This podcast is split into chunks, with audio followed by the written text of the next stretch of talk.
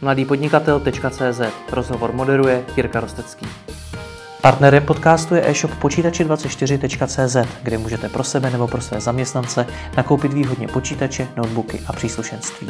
www.počítači24.cz Podnikatel, investor a publicista Jiří Hlavenka. Dobrý den. Dobrý den. Vy jste v roce 1994 založil vydavatelství Computer Press, které jste po 11 letech prodal. V roce 1996 jste založil e-shop Vltava.cz, o, které jsem, o kterém jsem četl, že to byl vůbec první český e-shop, je to pravda. Působil jste také jako společník ve vývářské firmě NetDirect. Spolu, spolu založil jste startup ulovdomov.cz a jste jedním ze spoluzakladatelů společnosti Kivicom. Takže jste v podstatě se od těch začátků biznisu na českém internetu přesunul až k těm moderním startupům. Dokážete popsat, jak moc se to prostředí internetového podnikání v Česku za tu dobu změnilo? Nejenom internetového, celé podnikatelské prostředí se proměňuje, proměnilo obrovským způsobem. Ty počátky byly vlastně více až takové humorné a bizarní z dnešního pohledu, jak vlastně nikdo nebyl na to podnikání připraven a nachystán, nikdo nevěděl, jak se to dělá. Bylo enormně těžké eh, získat vůbec. Já podnikám ne od 94, ale podnikám od roku v podstatě 89, úplně mm-hmm. od mhm. těch prvních dnů. A ty začátky byly teda jako mm, skutečně z dnešního pohledu neuvěřitelné, jak vlastně jako by nikdo nebyl nachystaný na opravdové podnikání. Hmm. To internetové podnikání je Eh, nebo podnikání s využitím internetu, abych to tak možná zpřesnil, eh, bylo zajímavé samozřejmě v tom, že v těch začátcích, v těch prvních letech, a to hovořím o letech 96 až 2000, opravdu hmm. těch prvních 4 až 5 let, tak vlastně nikdo si nedovedl představit, jaký význam bude mít internet pro uh, celou společnost, pro prostě vlastně všechny obory, které si dovedete představit. Já k tomu dám ještě třeba jednu perličku jak to nechápali i velké firmy, že když jsem někdy v roce, tuším 2003-2004, byla nějaká konference, nějaká panelová diskuze, kde byli zástupci velkých operátorů, já jsem jim říkal, že, že jako internet bude jednou ve vzduchu všude, tak oni se začali strašně smát, jako že jako ten hlavenka je úplný blázen. Jo. Jako, hmm. Rozumíte? A to byli, to byli ti, kteří už to vlastně v té době i mohli vědět, že to tím způsobem jde. Takže ta jako ne, ne, nevědomost, nepřipravenost byla, byla jako fatální. A v těch prvních letech to byly v podstatě pokusy. To, to, to jako nikdo nevěděl, vlastně to nebyl žádný, jako, že byste si namaloval business plán e-shop. Hmm. E-shop nějak poroste někam. No, to, to, ne, to byl opravdu jako pokus, co se stane, když uděláme internetový obchod. Je, lidi kupují. Jo. To, to překvapení. Prostě vy jste hmm. úplně otevíral v podstatě nové trhy. Ať už to byl, my jsme těch startupů, nebo my jsme se těch jakoby jednotlivých aktivit měli asi 20. V některých jsme byli dokonce jedni z prvních na světě. My jsme vlastně byli, to dneska málo kdo ví, tak jsme byli vlastně druhý prodejce na světě, který otevřel prodej s nahranou hudbou digitální. Hmm. S MP3. My jsme si udělali takovou, takovou vlastně dohodu s jedním eh, jakoby nezávislým eh, lokálním vydavatelstvím. A prostě, protože jsme to technologicky uměli, tak jsme jednoduše prostě převedli ty, ty, tu jejich hudbu do MP3 a když jste klikl, tak vám vyskočil košík a dal jste to tam a, jo, a pak se nám to stáhlo, takže způsobem vlastně jako primitivním a byli jsme po, po to se jmenuje Goodnote, tuším, na světě druzí a dokonce jsme byli vůbec první v e-bookách. My jsme vlastně jako úplně první prodali elektronickou knihu přes internet na světě. Na světě? Na světě. A právě přes Vltava.cz? To bylo, já si myslím, že jo. To, teď, teď vám to neř, ale asi Takže ano, počkejte, asi opravdu... Bylo oddělení na Vltavě, kde mělo jako, jako digitální. Opravdu jsme teda my Češi prodali no, úplně první Ano, my jsme to, my jsme to kontrolovali, jsme to prostě zkusili. nějaký PDF nebo něco, jakoby, jestli to vůbec bylo fungovat. A ten, ten impuls mimochodem, což je jakoby zajímavý, přišel od expatů ze zahraničí, kteří kupovali naše knihy a a tak nějak a časopisy a, a už vlastně tenkrát byl e-mail, jako samozřejmě jako dobře, eh, dobře fungoval a oni asi chtějí poměrně komunikovat s domovinou a oni říkali, ale my bychom hrozně rádi, vím, že vyšla tady ta deska té, té české nebo moravské kapely, ale prostě než to CDčko, jako to je dva měsíce a, hmm. a, a taky ta kniha, jsem říkal, tak jak vám to jako vlastně zrychlit, jo? Hmm. Tak, tak vám to zkusíme tak, abyste si to mohli mít ten den nebo stáhnout. Jo? Takže hmm. to byla vlastně úplně jako, vlastně ani nebyla biznisová myšlenka, ale taková jako říká, tak tady jsou zahraniční šeši, byli pracovníci jedné významné české firmy, říkají, my jsme tady teďka v Americe na nějakém rozpočtování zavření. My jsme tady měsíc zavření bez ty domoviny. A my prostě bychom hrozně rádi si pustili jako českou hudbu, protože my to vlastně nemáme možnost, jako si hmm. pustit nějakou nahrávku. A říkám, no to bylo úplně úžasné, my jsme si pustili tu kapelu. Jako. No a teď mi řekněte, zajímavé doby. kde jste měl jakou křišťálovou kouli, kdy jste tohle to všechno věděl, protože říkáte o tom, že jste v ostatním říkal, že internet bude jednou ve vzduchu, založil jste jeden první e-shop, prodal jste první e-book, tak jak jste tohle všechno věděl? No, hm, věděl, tak nevěděl samozřejmě, ale nám to nepřišlo nepřirozené. Možná, hmm. víte, možná prostě je v tom to, že jsme byli uh, současně vlastně mediální firma, která uh, vydavatel, která vlastně už jako žije z toho, že, že lapá to, co se všude jako šustne a prostě chytá ty hmm. novinky. Že? My jsme vlastně psali o těch technologických novinkách, jsme byli technologické vydavatelství. Hmm. Takže vlastně naším, naším profesí bylo jezdit do, hra, do zahraničí na veletrhy, hovořit s největšími firmami v oboru a vlastně chytat trendy, které se jakoby blíží. Všechny nás to zajímalo, byli jsme tím hodně žili, jsme, jsme s tím do toho byli nadšení. A vždycky jsme byli takový blázni, že jsme si říkali, a co kdybychom to teda vyzkoušeli? Ten, jako Amazon, Vltava, že jo, tam vidíte tu, jak jsou ty podobnost, že jo, tak Amazon byl před námi, to jsme skutečně nebyli před Amazonem, ale ne o moc teda, to bylo opravdu snad to nějaký rok nebo něco. A jsme si vlastně poprvé někde z nějaké konference, nebo, nebo možná vydání zahraničního časopisu, doslechli, že někdo otevřel internetový knihkupectví. Jsme si říkali, co to je za blbost, jako, jak internetové knihkupectví. Knihkupectví je, že jdu a koupím si knihu. Jo? Hmm. A jsme si říkali, no tak to je jako, teda fakt jako pěkně blbý nápad, ale zkusíme, jestli to nebude fungovat. A ono to fungovalo. Jo? Takže já bych to zase nepřeceňoval, ale um, Berte, že to je to, co dělám pořád, že se snažím jak si být jako poměrně napřed v těch vědomostech, vidět, co se děje a vyznat trendy. A to mě zajímá jak, jak se ty trendy chytají. Čtete, diskutujete, hmm. zkoušíte. No, to je co prostě... třeba konkrétně čtete? Co se na internetu, světovém internetu šustne. Hmm. Pravdu, to je, to znamená, jako jak, jak řekněme, významný weby od, od, od Wiredu až po třeba jako běžný zpravodajství, možná i moje výhoda určitá je, že tím vlastně, že podnikám a tak vidím do oblasti ekonomiky, ekonomie, financí, protože to jsou třeba někteří lidé, kteří jsou čistě jen v těch technologiích, tak úplně eh, tak to jakoby spojit. Takže i třeba ekonomické trendy, a, a bavím se s lidmi, chytrými lidmi v okolí, hmm. i včetně samozřejmě startupů, co eh, startupových nápadů se za mnou chodí, tak uh, vlastně s tím, když se bavíme, tak říkáme, hele, tak tohle může být trend. Jo, tady, tady je něco, co, co já jsem třeba nevěděl, že vůbec existuje. Hmm.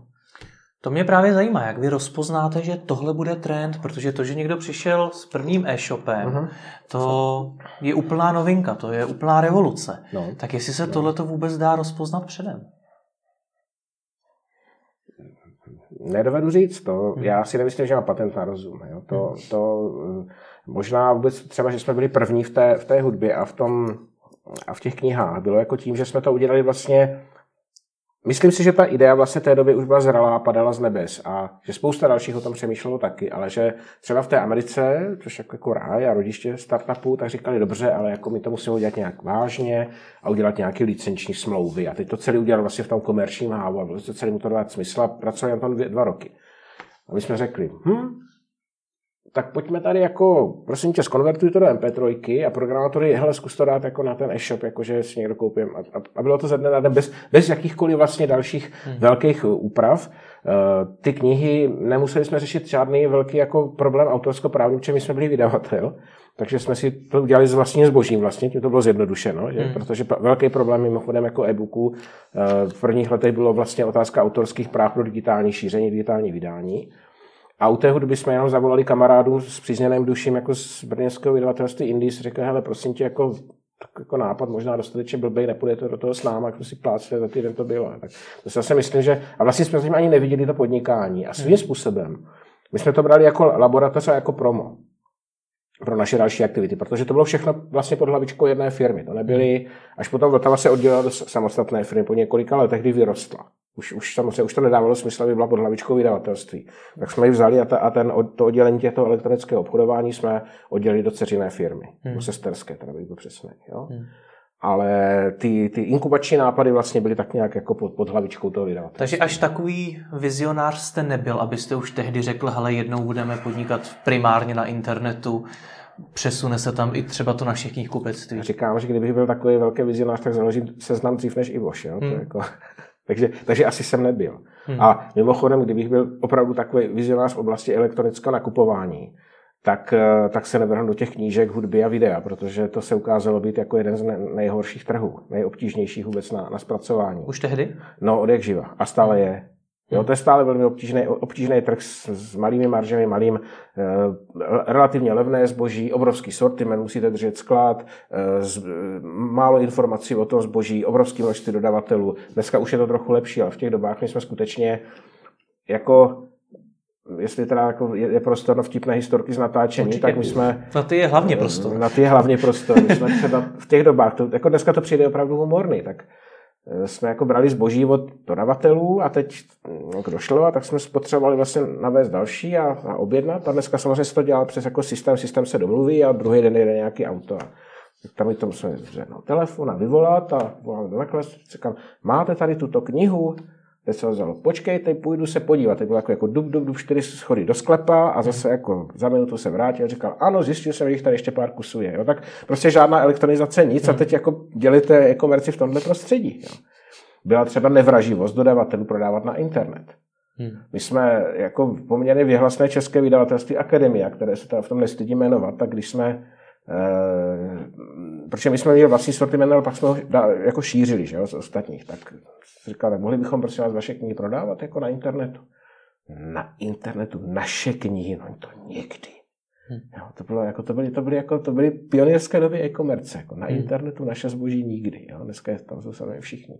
Ale kdybychom byli vizionáři, tak začneme s bílou černou technikou a počítačem. Ano. Já jsem se chtěl ještě zeptat na to, že v podstatě z toho, co mi říkáte, tak mi vyplývá, že se ta doba za, tu, za těch pár, nebo za těch několik let poměrně zkomplikovala že už dneska domluvit ten biznis, už to není o tom tamhle někomu zavolat a druhý den to rozjet.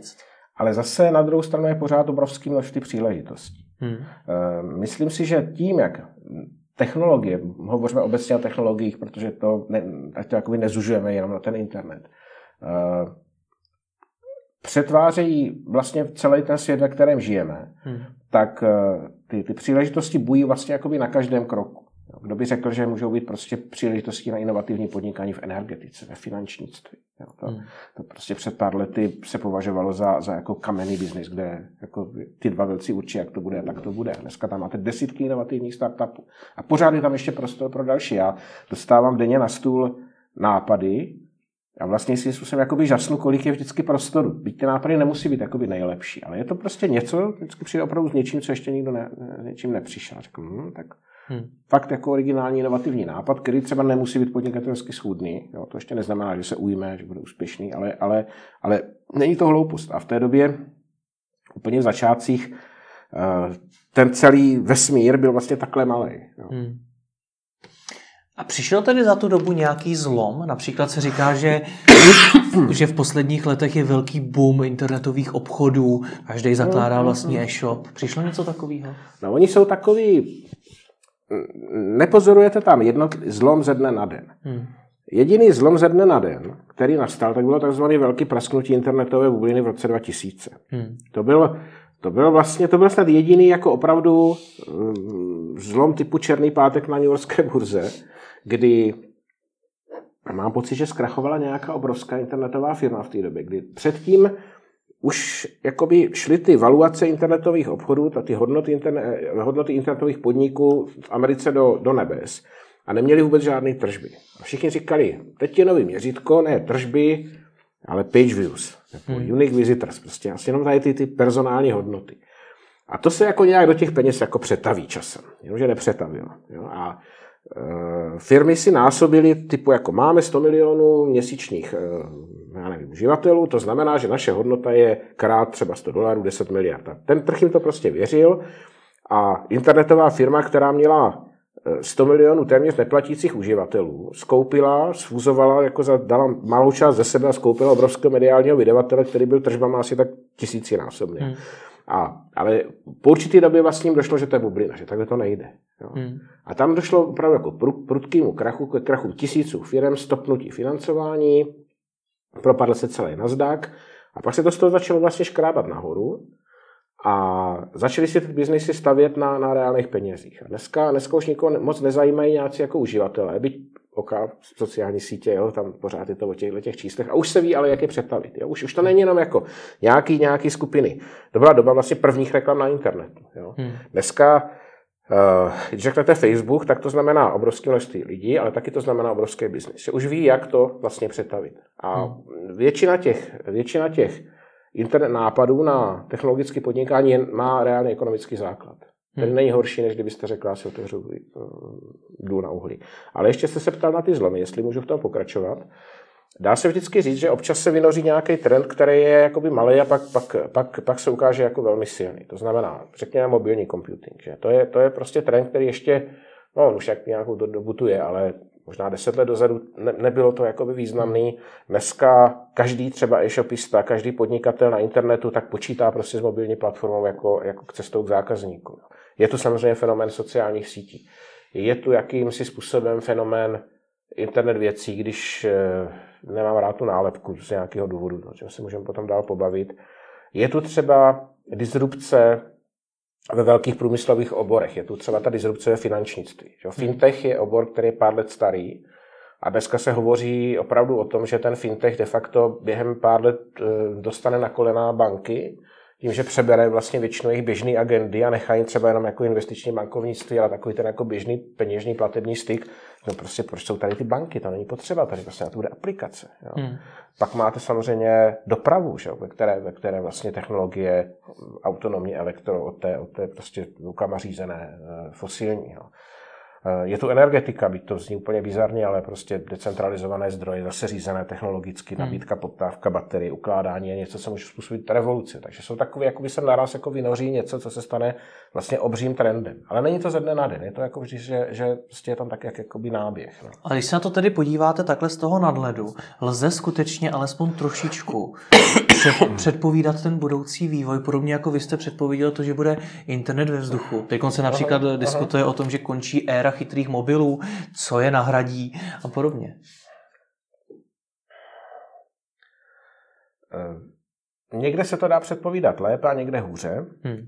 To, co se dá blbě předpovídat, tak je, tak je rychlost eh, a určitým způsobem jakoby rozsah a, a jako masivnost toho působení. Dám třeba dobrý příklad, jsou ty, jsou ty autonomní auta nebo elektroauta.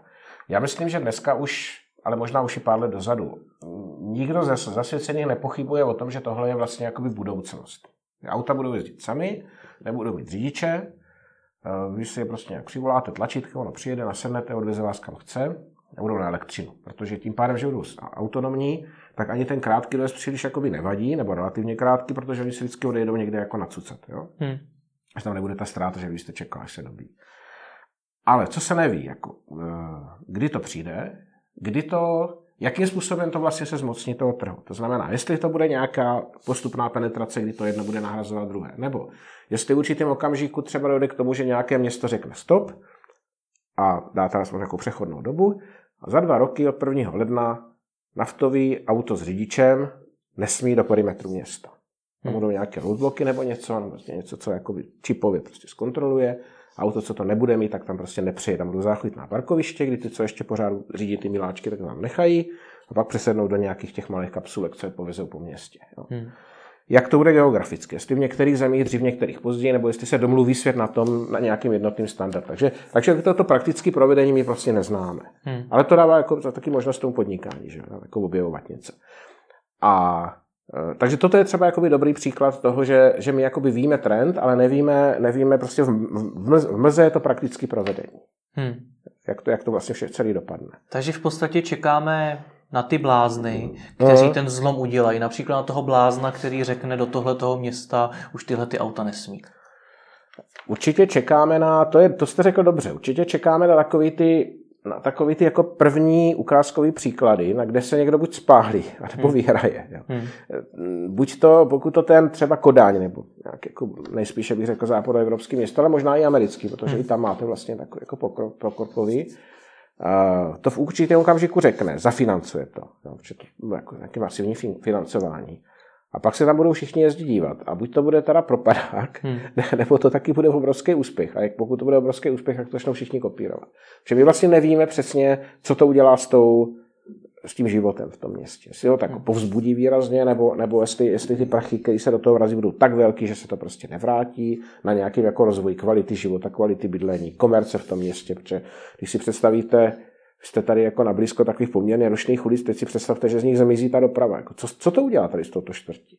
Jak, jak to bude vypadat? Rozvine se tady život, kultura, komerce na ulicích, kancelářské budovy, jo, jako zroste cena nemovitostí, klesne. To, to pořád nikdo přesně neví. Hmm. Když se budeme ještě bavit o tom čase, tak eh, lze tedy nějak kvalifikovaně říct, že s nějakou inovací přicházím příliš pozdě, asi jde, jde říct určitě, uh, uh, ale jestli nepřicházím příliš brzy, já tady třeba narážím jo, na Google, jo, jo. Google Braille, o kterých se třeba často říká, že možná přišli příliš brzy uh, a že možná uh. oni jsou těmi nástupci chytrých mobilů. Jasně.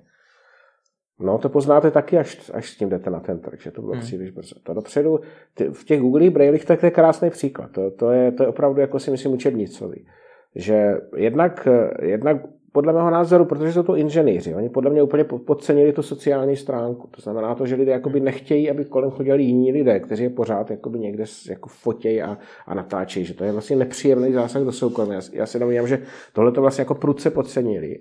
A pak si taky jako myslím, že to, že to vlastně kvalitativně neměli vyladěný, že to byl teda jako v podstatě jako primitivně ne, ne, nepříjem, nepříjemný přístroj, že, hmm. že vlastně to mohli nosit tak akorát blázni, jo, jako hmm. svým způsobem. Jo. Takže to opravdu jako, jako bylo, při, eh, bylo příliš brzy.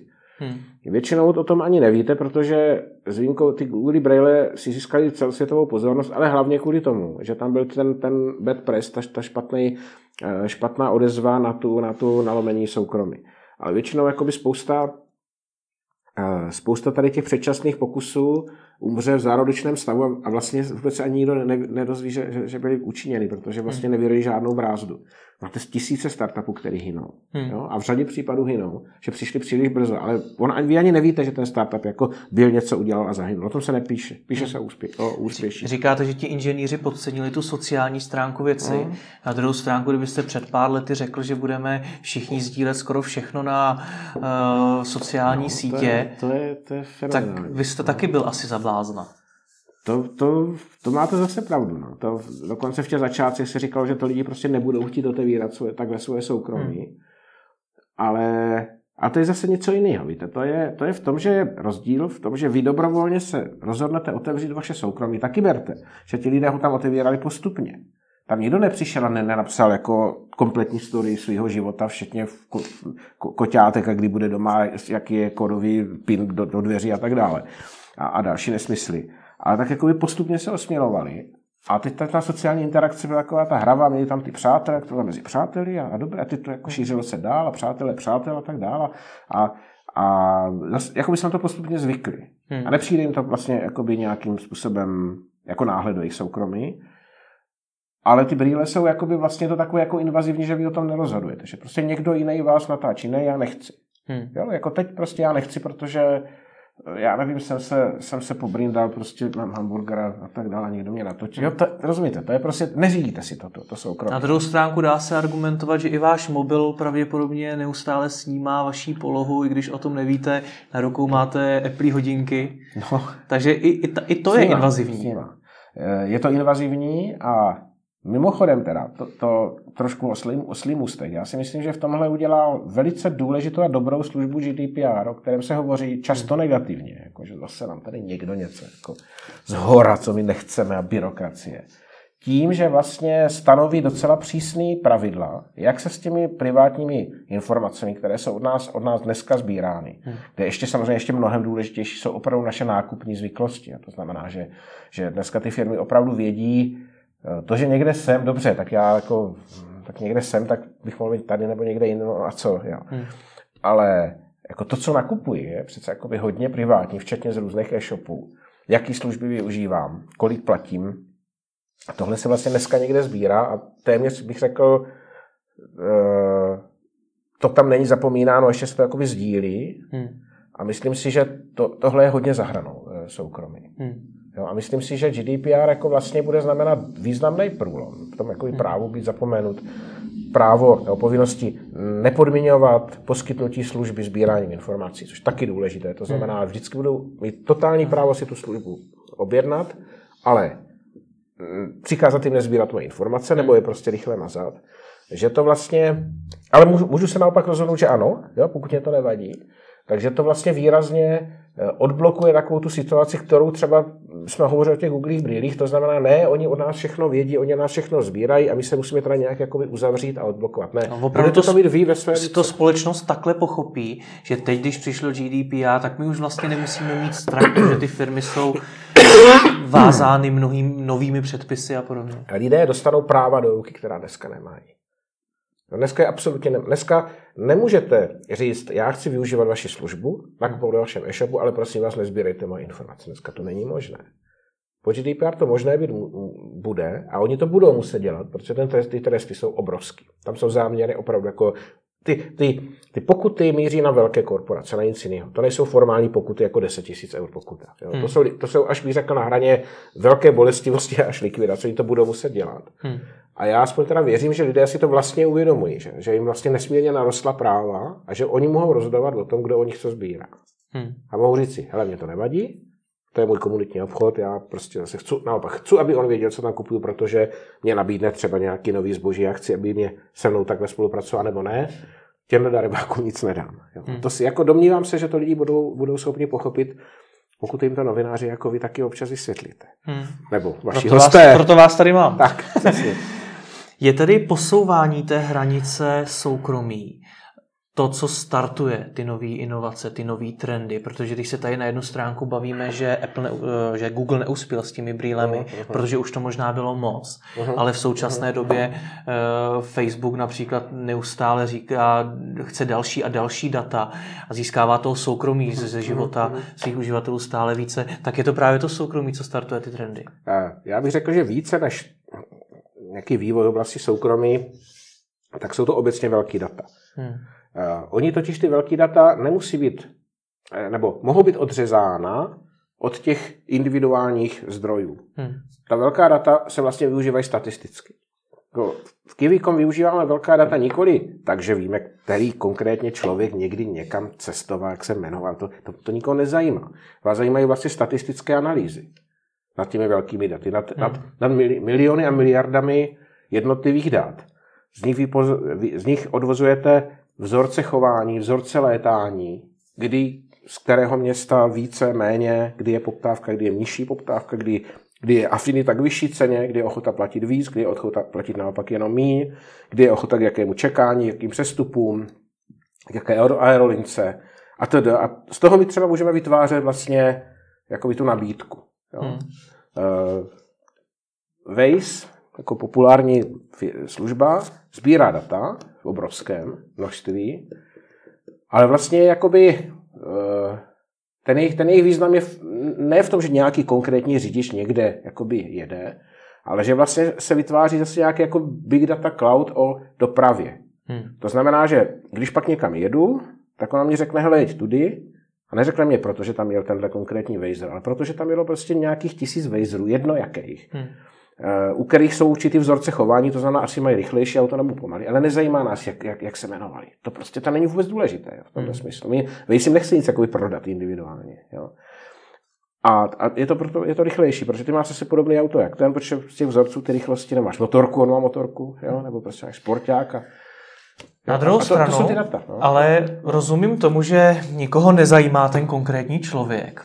Ale zase na druhou stránku, když se budete bavit s těmi marketéry, tak jasně, jim jasně. jde vlastně o to identifikovat hmm. konkrétní potřeby konkrétních lidí, jasně. takže je vlastně zajímá konkrétní člověk. Tady právě GDPR dá za uši a řekne, máte smlouvu. No ale není to, GDPR je jedna věc, ale stejně nepůjde ten trend právě tím směrem, že budeme chtít vědět, co přesně konkrétně chce Jiří Hlavenka, co ho konkrétně trápí, jaké má aktuální potřeby a podobně. Marketéři to vždycky budou chtít, a budou to chtít víc a víc a budou chtít opravdu vidět do žaludku. Protože to chce trh, ale. Do obsahu ledničky. Ano. No trh, no firmy to chtějí, jasně. Podnikatelé to ano. chtějí, že? Chtějí vidět do obsahu vaší lednička, co vám mají prostě dodat.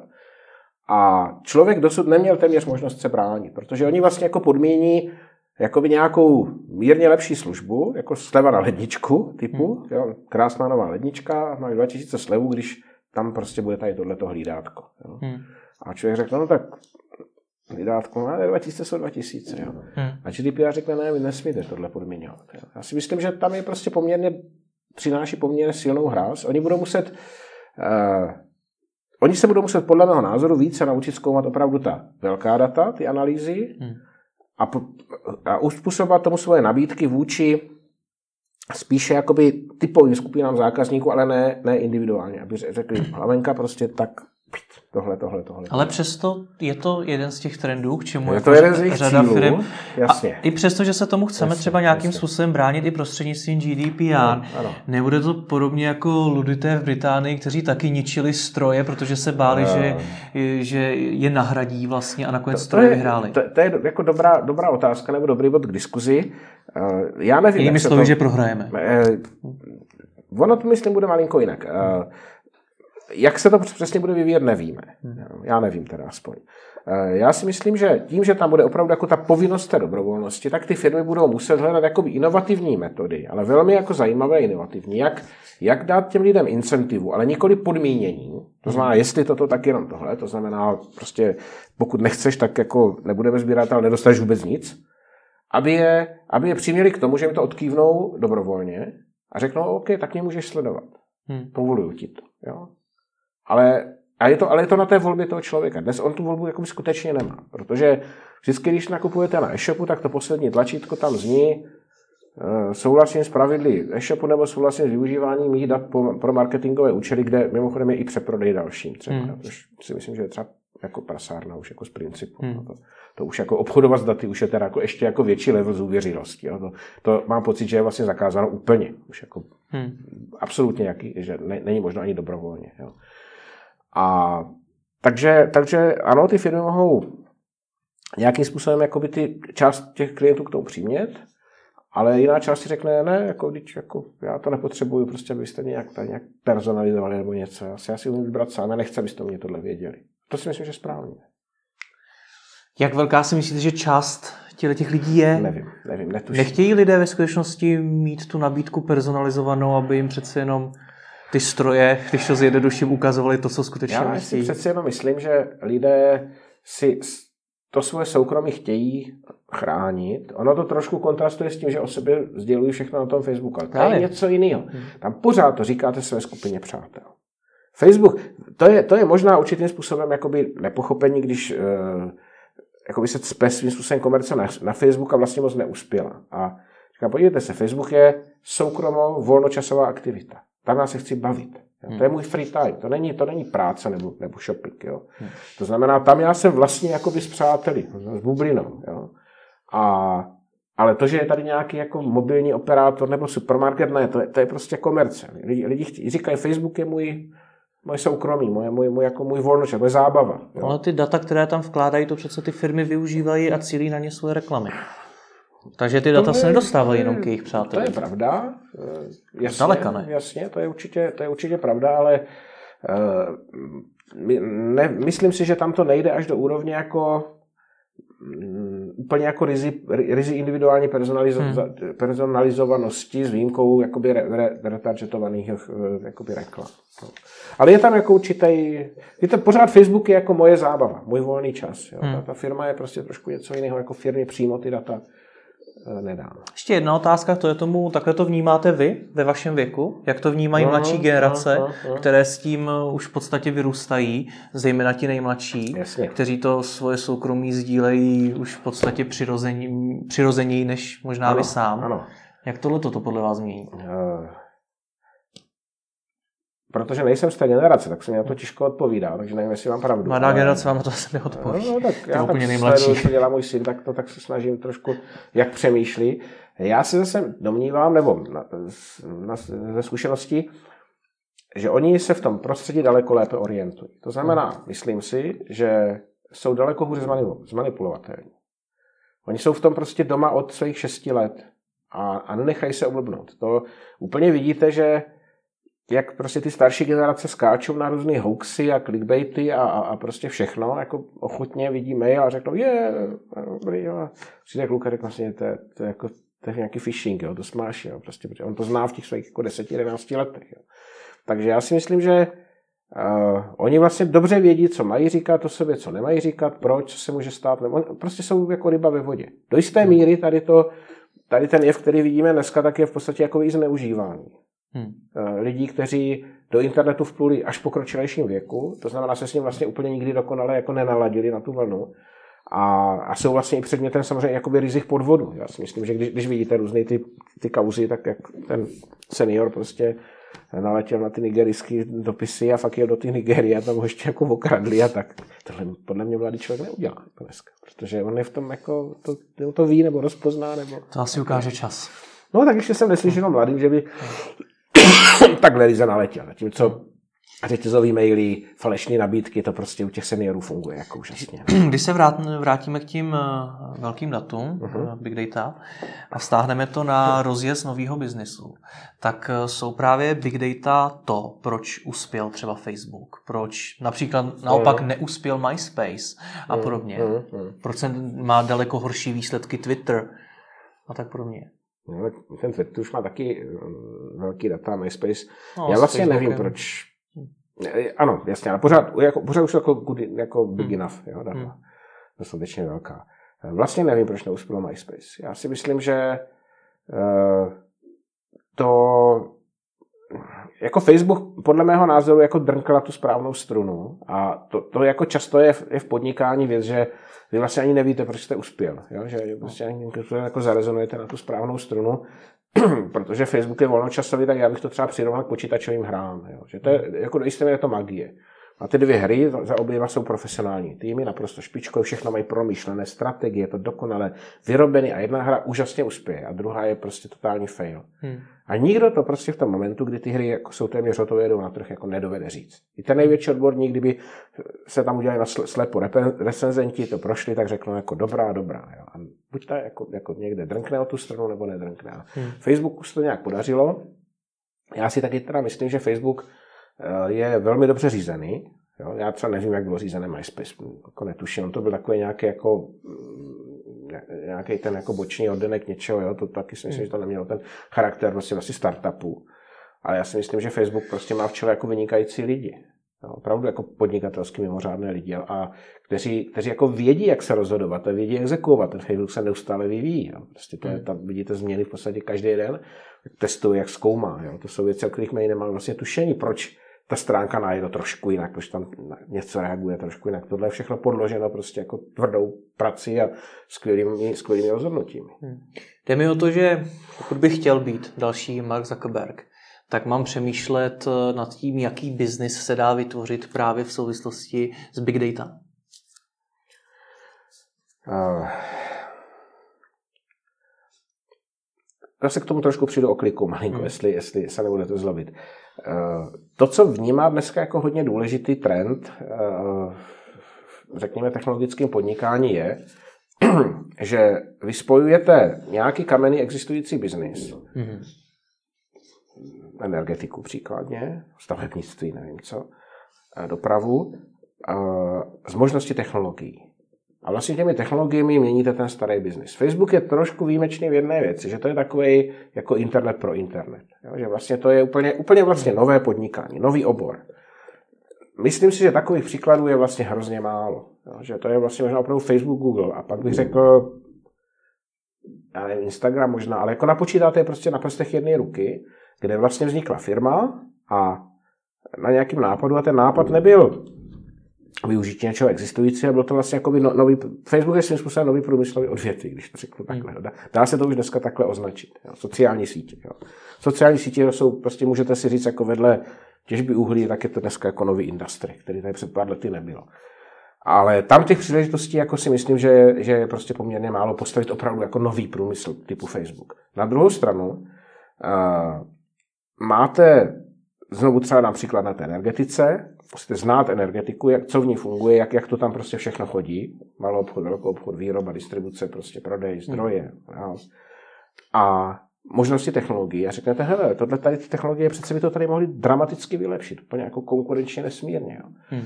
A, a na tom to postavíte. To je jako by to jádro toho nápadu. To, že někde po cestě s tím přijdou big data nebo jejich využití, tak to už je takový to, to, je, to je jakoby nějaký mazadlo, jo, bych třeba řekl. Jo, úplně se udělat jako big data, od big data jako taky není přece to, to, to správně. Dobře, pokud nejste good data, což je firma, která postaví biznes na analýze velkých dat, jo, hmm. protože good data vědí, že, těch velký, že prostě těch velkodatových uh, souborů nebo, nebo množství, množství dat se tady generuje, ale většinou ty data prostě leží zcela někde bezcílně a bezúčelně. A řeknou, ne, ale pojďme z nich udělat chytrý velký data, že? Hmm. Z hloupých velké dat udělat chytrý, takže to postaví na tomto analýzu. A to je, Jo, to je zase takový specifický jeden nápad, ale mm, o tom, o čem jsem hovořil, tak vždycky mně přijde, že to, co kde se eh, je taková frontová linie, jo, bych řekl prostě. Tak frontová linie je mezi starým světem a novým světem. Nový svět jsou tak ty čisté technologie a starý svět jsou ty starý, starý biznisy. A to frontová linie, ty války, jo, když to tak trošku, eh, jak si, jak si převedu do té válečnické ideologie, je, že se transformují ty staré biznisy s pomocí technologií. Hmm. A že ty, třeba zase to bankovnictví, o tom fintechu, ty nové firmy, které vnímají velmi dobře ten svět technologií, ale jsou současně velmi dobře rozumí tomu světu finančnictví. Tam jako musí být. Jo. Hmm.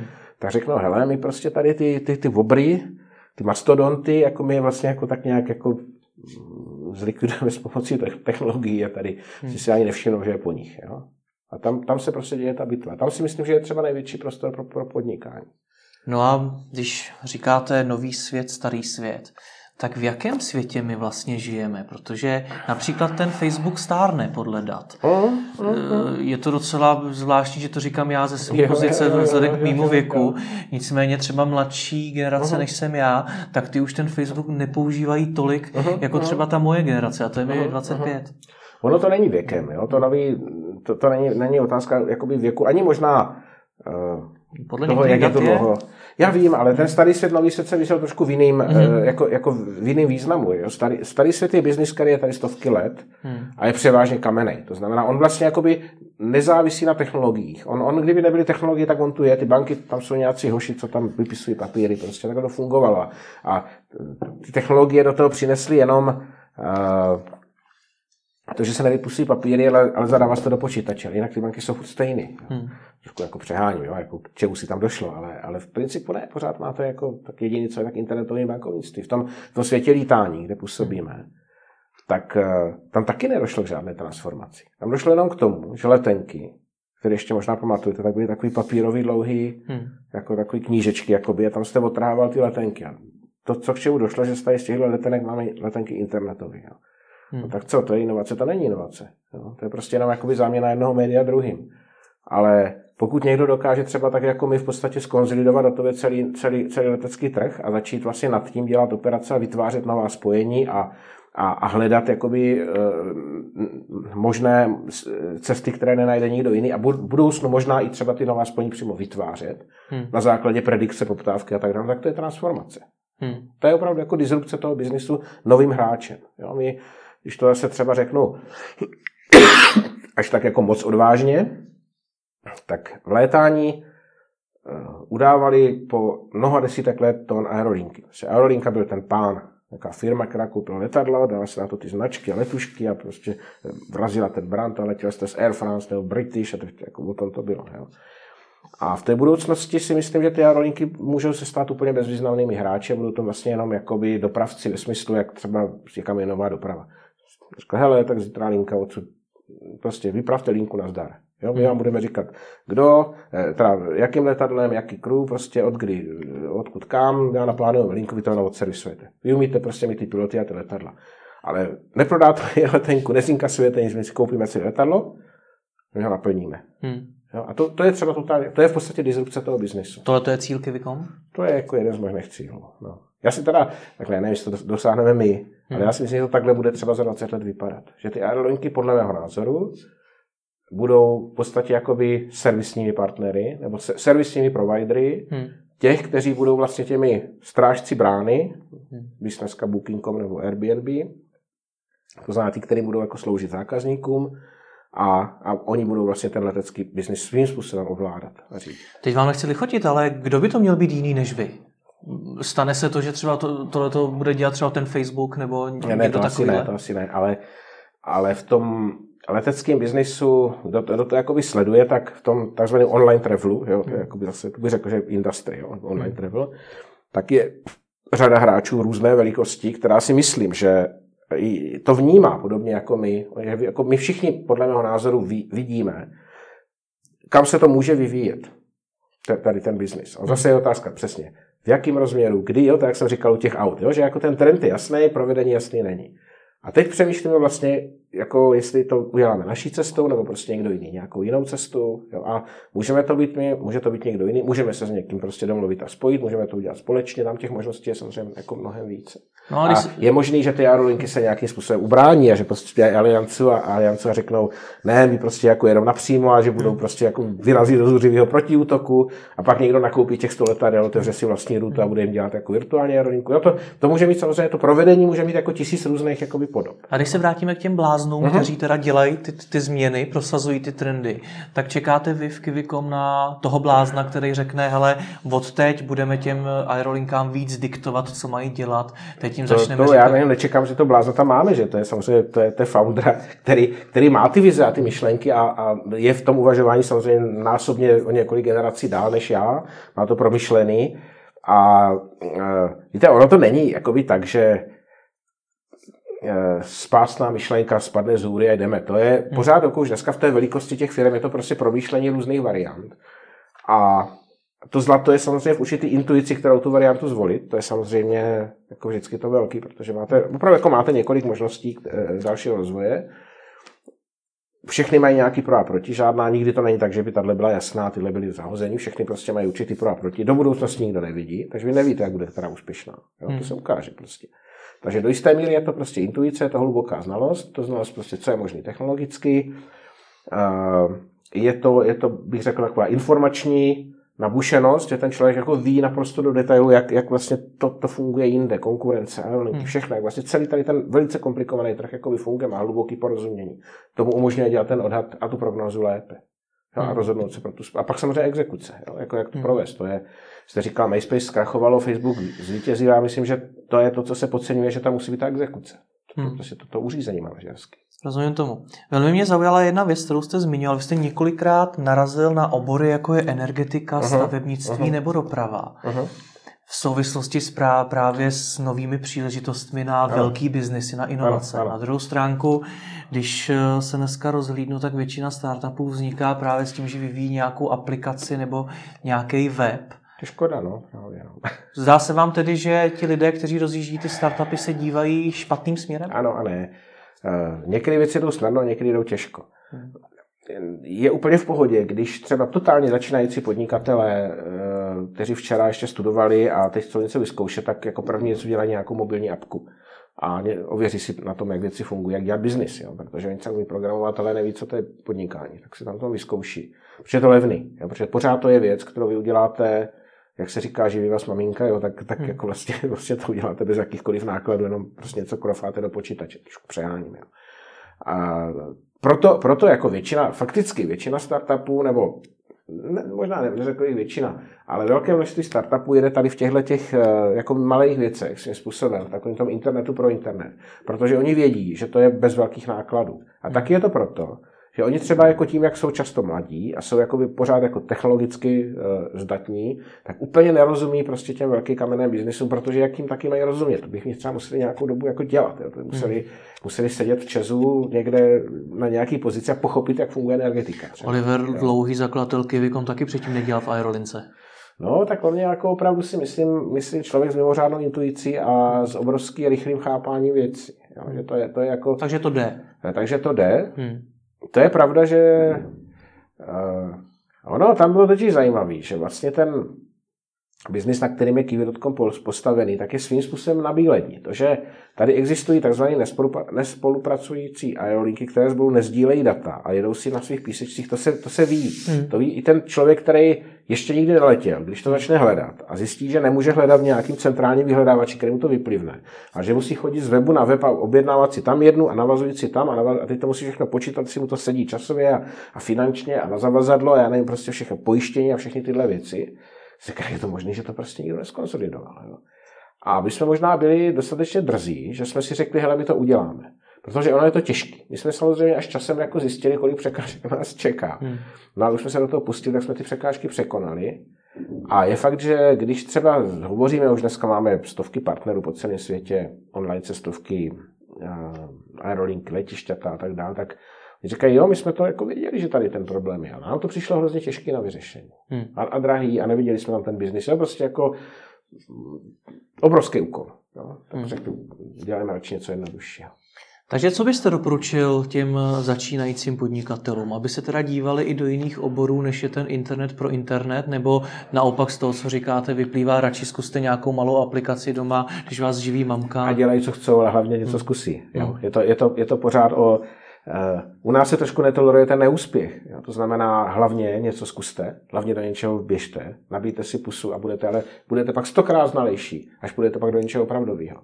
Hmm. To je to, že tady jako každý má pocit, že, že tu firmu staví na život, nebo že prostě jako, jako se nesmí, nesmí zmílit, jo? že všichni jako hledají, jakoby, jak to udělat na jistotu a, a, a já si myslím, že to je, že to je chyba. To je, to je prostě třeba velký rozdíl Amerika versus, versus Evropa, jo? že my jsme takový jako, tady úspěch je, tady neúspěch je jako stigma, jako, hele, ty budeš teda asi, to, to, to to bude jako, ty máš neúspěch, jo?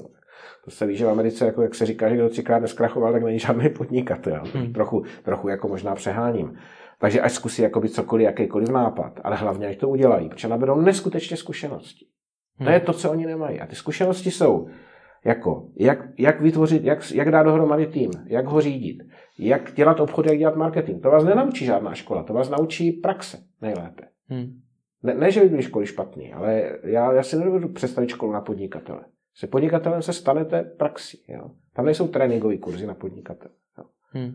Takže a něco udělají a samozřejmě si myslím, že eh, ta šance na úspěch, takovým tom, jak říkáte, nějaká mobilní apka, která je hezká, počítá, já nevím, piva, jo, tak eh, je jo, takový, a byly, ne, jako kolik vypijete a tak dále. To byly takový ty první apky, ne, byly takový ty, jako, pijete pivo. Ale ten úspěch bude malý, protože tam prostě nejsou peníze, tam není trh. Ale, ale třeba se to chytne a stáne to 100 tisíc lidí a někdo vám zaplatí dobrovolně dolar každý a budete rádi, ale je to jakýsi jako limitovaný úspěch. A pak se dívejte prostě do něčeho většího.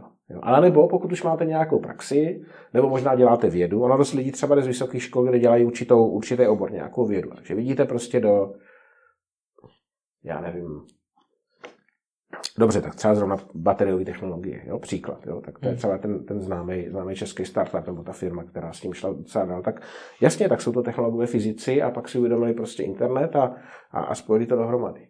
Hmm.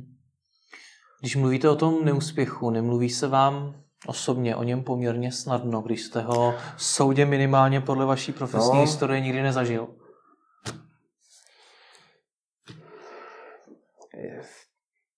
Máte pravdu, že jako mě, něco, co bych označil za podnikatelský neúspěch, něco, se, něco by se dalo najít, ale jako řekněme v tom 30-40 příkladech to bylo možná jeden, dva, kdy se to nevyvedlo. Jo? Tak to, se, to je právě, že se o něm hovoří snadno. A, mm, ale ono, ale proto taky dávám tu radu. Víte, my jsme vlastně v tom podnikání šli při zdi. Jo? Jak jsem vám říkal, já podnikám od opravdu roku přelom 89-90, ale my jsme byli my jsme opravdu jako přílip při zdi, dokonce použil takové to nehezké české slovo, jo, že jako, a mohli jsme, kdybychom měli tu odvahu a nebáli se třeba toho, toho selhání, tak bychom ty nahoru daleko rychleji. Jo. Hmm. A, a některých dalších podnikání taky. A já si myslím, že prostě ta odvaha riskovat je úplně esenciální pro úspěch. Takže to, to sdělení všem je prostě hlavně se, hlavně se nebojte. Samozřejmě zkuste podnikat tak, abyste v tom nepropálili svůj rodinný dům svých rodičů a veškerý úspory a skončili prostě s exekucí 2, 2 miliony. Takže to jako pokud možno ne, ale, ale prostě zkoušejte to. Jo? Pokud, pokud jde o váš čas, tak toho máte nekonečně. Tak ten do toho vražte. Jo? To není hodnota svým způsobem. Jo? To není hodnota, pokud jste mladí, tak, tak to není to, čeho byste museli želet, že jste ztratili třeba rok času. Máte ještě dalších 70 let života že ztratíte rok a naberete tak velké množství zkušeností, které byste nikdy během toho roku nenabrali. Pokud byste šli do zaměstnání, jakýhokoliv postup, pokud byste šli do školy, taky rostete zkušenostně, ale, ale pokud jste podnikatel, tak rostete desetkrát rychleji. A za ten, já to vidím, jak neuvěřitelně rychle se, se posunuli právě děcka v Kivitotkou. Hmm. Jako bytě Oliver Genius, tak když začínal, tak byl, pokud to bude sledovat, tak se nám nebude zlobit, tak byl vyplašený mladý kluk, jo, neskušený. Dneska si myslím, že to je jeden z nejlepších manažerů, jako až na evropský úrovni, jako během pěti nebo šesti let. Hmm. Protože byl postavený před takový výzvy, který za něho nikdo neudělal a on prostě je musel zvládnout. Hmm. Neměl na koho se vymluvit, prostě nikdo nedával příkazy z hora. Tak musel to prostě sám zvládnout. Tak se bude Oliveru co nejvíc. Kdyby české školství jako mm, tu, tady tu odvahu a tvořivost podporovalo, neubíjelo, tak by jich bylo víc. To je na hodně dlouho samostatnou debatu. Pro dnešek vám moc děkuji za rozhovor. Já děkuji. Líbil se vám tento rozhovor? Vyzkoušejte také audioknihy. Partnerem podcastu je progressguru.cz, na kterém si můžete stáhnout audioknihy o biznesu, osobním rozvoji a o mnoha dalších tématech. www.progressguru.cz